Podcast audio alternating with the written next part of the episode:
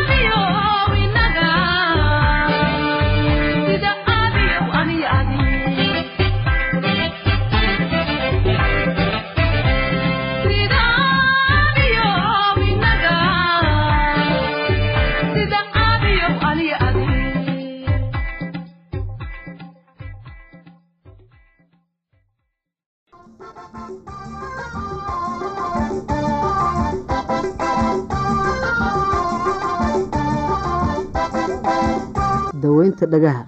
Waa lagama maarmaan in si dhaqso ah loo daweeyo bukaanada dhagaha si noola dile sida benesaliin solfadeysiin carruurta saddex sanadood ka yar ambasaliin ayaa ugu wanaagsan. Waxaad kaloo xanuunka siisaa barastmool si miyir leh cudbi dhegta malaxda uga soo nadiifi. Hase ahaatee hagelin cudbi caleemo ama wasaq leh. Caruurta dhegta malaxda ka da'eysa waa inay si joogto ah u meydhaan hase ahaatee waa inay dabaalan ama quusin biyaha laba toddobaad kadib markay gashadaan ka hortegidda bar carruurta inay nadiif iska dhigaan si miirsan oo aanay xoog u siin ama hadaad carruurta quraarad wax ku siiso ama hadaad ku siiso hasiin isaga oo dhabarka u jiifa waayo caanaha ayaa sankiisa geli kara taasoo bukaan dhigaha keeni kara. Marka carruurta sankoodu oodan yahay isticmaal dhibcaha milixda oo dabadeedna soo nuug duufka ilmaha sankiisa. Bukaanka gacanka dhegta sidaad u ogaato bal in gacanka ama dhuuntu tagayso ay bugto quni yar dhegta u soo jiid. Haddii tani xanuun keento gacanku waa bukaa dhibco qal iyo biyo ku dhibci dhegta. Saddex ilaa afar goor maalintii malqacad qal ah ku dar malqacad biyo la karkariyey haddii xumad ama malax jiraan. Isticmaal noola cuno xanuunka iyo xoqadaha dhibaatooyinka badan ee waxay ka bilaabmaan durayga waxaa laga yaabaa in cunaha cas yahay oo xanuun ilmaha marka uu doono inuu wax liqo xoqaduhu laabqanjidhkooda yaalla labada dhinac ee cunaha dabadiisa ayaa laga yaabaa inay bararaan oo xanuun kulaadaan ama malax ka soo dareerto xumadda waxay leedahay inay gaadho daweynta ku luqluqo biyo milix oo biyo milix leh oo diiran malqacad shaaha oo milix ah ku dar koob u qaado xanuunka brestmol haddii xanuunka iyo xumadda si kadis ay u yimaadaan socdaan ama ka badan saddex maalmood doono dhakhtar. Cuno xanuunka iyo khatarta xumadda rumatiga cuno xanuunka had iyo goor la socda durayga waa in noola dile loo isticmaalaa haddii la isticmaalona waxba kama taraan. Ku dawee luqluqooyinka asbriin hase ahaatee cayn ka mid ah cuno xanuunka oo la yiraahdo. Waa in lagu daweeyaa benesaliin waxaana aada ugu badan yahay carruurta iyo dhalinyarada sida caaliga ah. Si kaliis ah ayuu ugu bilaabmaa cuno xanuunka iyo xumad badan iyadoo calaamado durayga iyo qof lo socdaan. Xaggiisa dambe iyo xoqaduhu aada bay u casaadaan qanjirhka daanka ka soo hooseeya. Waxaa laga yaabaa in uu bararsan yahay danqan danqanayo si benesaliin toban maalmood haddii ay sii hadiyo goor la siiyo benesaliin toban maalmood. Xumadda roomatigu markay timaado ayay yareysaa ilmaha. Cunaha sidan u buka streeb qaba waa in meel gooni ah wax ku cunaan oo seexdaan meel gooni ah. Caruurta si looga ilaaliyo inay iyaguna qaadaan. Xumadda roomatiga cudurkani carruurta iyo dhalinyarada ayuu ku dhacaa. Wuxuu bilaabaa hal toddobaad ilaa saddex toddobaad kadib markaa qofku ku dhacayo streb calaamadaha ugu waaweyn oo ah saddex ama afar calaamadood oo muuqda. Xumad xanuunka laabatooyinka ah gaar ahaan jiqirooyinka qofka iyo qufac qufacyada iyo saddexda laabatooyinka way bararaan oo ay kululaadaan oo ayna casaadaan. Xariijimo goolaaba ama meelo soo buuran oo diirka hoostiisa ah. Kuwa aada u xun waxaa jira itaal darro hinraag iyo wadno xanuun. Dhageystayaasheena qiimaha iyo qadarinta labo waxaa halkaa noogu dhammaaday barnaamijkii caafimaadka. Waa shiina oo idin leh caafimaad wacan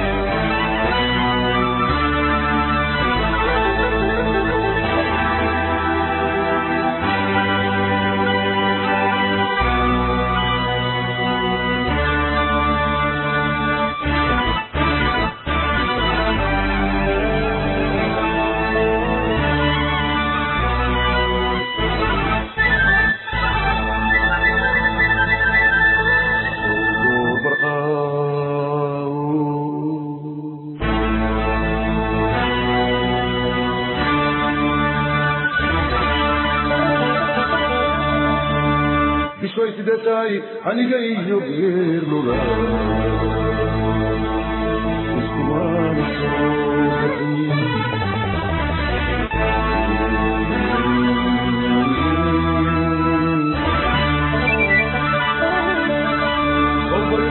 iyo bidaashradii bundraayarte beladu weyn ku taale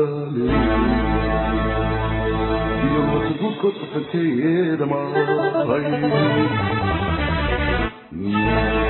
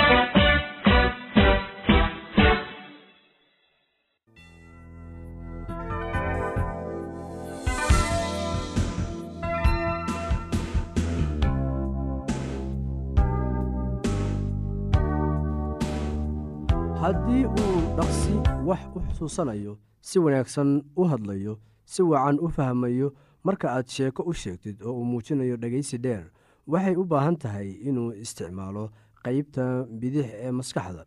Laakiin haddii uu muujiyo awoodda ku saabsan xagga orodada ee uu dabeecad hal abuur leeyahay oo uu lumiyo xiisadihii uu u qabay waxyaalaha kale oo uusan wakhtiga ilaalinaynin waxaa markaasi dhici karta in cunugaagu isticmaalayo dhanka midig ee maskaxda ama waxa luuqadda ingiriiska lagu yidhaahdo right brain sided. Waxaad ogaataa dadka kala raacsan labadan qaybood inay jiraan meelo ay ku liitaan iyo meelo ay ku wanaagsan yihiin. Tan waxay ku awoodinaysaa inaad si sahlan cunugaaga uga caawiso waxbarashada waa run in carruurta isticmaasha dhanka bidix ee maskaxda ay ku liitaan xagga orodada iyo casharada ku saabsan farshaxanimada. Carruurta isticmaasha dhanka midig waxa ay la xarbinayaan barashada luuqadda afka ingiriiska iyo akhrinta. Aad ayay u dhibaysaa oo way ku adag tahay inay xifdaan qaybaha yaryar ee gabay ah haddii loo dhiibo. Si sahlan ayayna u qalbi jabayaan waxaad isticmaali kartaa buundada loogu yeero luuqadda si aad carruurta ugu caawiso inay isticmaalaan kulli labada qaybood ee maskaxda dhanka midig iyo dhanka bidixba. La soco waxay ku dhegaysanayaan iyaga oo isticmaalaya dhanka bidix ee maskaxda waxaanay arkayaan inaad hadlaysid adiga oo isticmaalaya qeybta midig ee maskaxda. Sheekooyinka loo sheega carruurta ayaa waxay yihiin kuwo isku xira dhanka midig iyo dhanka bidix ee maskaxda. Waxa uu akhri carruurta la hadal iyaga wakhti si loo la sheekaysto iyaga. Si wakhti aad kula sheekaysatid iyaga. Xirfadda qoritaanka ayaa iyana ah buundo isku xiraysa labada qaybood. Qeybta bidix iyo qeybta midig. Qeybta midig wax bay aragtaa. Qeybta midigna waxay keydisaa wararka. U iibi joornaalo buwaagta taswiirta ee ka hadlaya mowduucyada ay jecel yihiin. Haddeer laga yaabaa inaad fahamtay sababta carruurta loogu diido inay daawadaan telefishinka. Maxaa wacay? Carruurta inta badan waxa ay wakhti siinayaan daawasho beddelkii dhegeysiga. Haddii aad yaraysataan daawashada telefishinka haddii aad yaraysaan daawashada telefishinka waxaad helaysaan wakhti aad ku wada hadashaan oo aad waxyaalo badan isla wada samaysaan. Haddii carruurtaadu weli yaryar yihiin yaree cadadka iyo wakhtiga ay ku cayaarayaan balamboolada balamboolooyinka caadiga ah ee fudud ayaa waxay cunuga ka yeeli karaan inuu yeeshto hal abuurnimo. Dhoobeyda gabaareyda gabaareyda iyo waxyaalo kale oo yar ayaa maskaxda cunugaaga ka shaqaysiinaya ugu dambeyn ku dhiirigeli carruurtaada inay dhibkooda xal u helaan iyagoo aan la caawimin. Tan kale waxay tahay iyada waxay ku caawinaysaa inay noqdaan kuwo si xirfad leh u xaliya dhibka xagga nolosha aakhirka runtii barnaamijkan waxaynu ku dhiirigelin karaynaa waalidiinta soomaaliyeed ama waalidiinta kale in ay markaasi bartaan ama ay isha ku eegaan habkii ay u barbaarin lahayn carruurtooda waxaa jirta inaan ka soo hadalnay qeybahaas kala duwan ee maskaxda. Ama haato midda bidix ama haato midda midig. Waxaa laga yaabaa inay taasi ku adkaato fahmidda in maskaxda ay kala qaybsanaan karto. Taasi waxaa runtii soo saaray culimmada sayniska oo ayagu baaritaan dheer ku sameeyey waxyaabaha kan. Marka waxaad eegeysaan siba waalidiintan oo waxbartay inaad markaasi aad arrintan siisaan tixraacid dheeraad ah. Waxaad mar walba aad samaysaan in carruurtu marka ay dhashaan oo ay bilaabaan inay hadlaan inaad markaasi bartaan habka loo hadlo. Marka ilmuhu bartaan habka loo hadlo waxay markaasi isku dayeen waxyaabo badan ay markaasi indhaha aada uga eegaan ama ha noqoto sida ay markaasi u dhageystaan waalidkooda siday u kala saaraan hadalka ama hadallada xunxun ama kuwa wanaagsan intaba. Runtii waxaa wanaagsan xataa in markaasi markay carruurtu ka soo laabtaan iskuullada ama dugsiyada in waalidiintu habeenkii ay eegaan fiidkii intaysan seexan waxyaabihii ay soo barteen ayagoo markaa dib u baaraya buwaagtooda taasina waxay ku caawinaysaa in carruurtu ay markaasi bartaan waxyaabo fara badan oo markaasi aysan ka helin iskuulka. Waayo waalidiintu waa caawiyaasha ku caawiyi karaa carruurtoodu inay markaasi ay bartaan waxyaabahaas iyadoo weliba si dheeraada u baranaya. Waxaa jirta in marka caruurtu aada u yar yihiin ay aada iyo aad ugu habboon tahay in loo soo gado buwaag ay ku sawiran yihiin kuraas ama shimbiro ama buugaag ama waxyaabo kaloo fara badan oo indhahooda ay ku eegi karaan isla markaasna ay wax kaga baran karaan.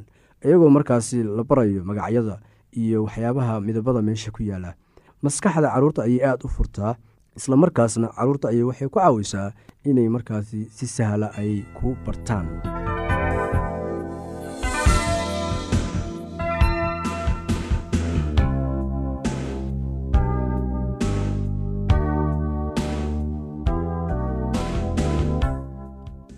haddii aad qabto wax su'aalaha fadlan inala soo xiriir. Ciwaankeenna waa radio somaly at yahu t com. Mar labaad ciwaankeenna waa radio somaly at yahu dt com. Barnaamijyadeena maanta waa naga intaas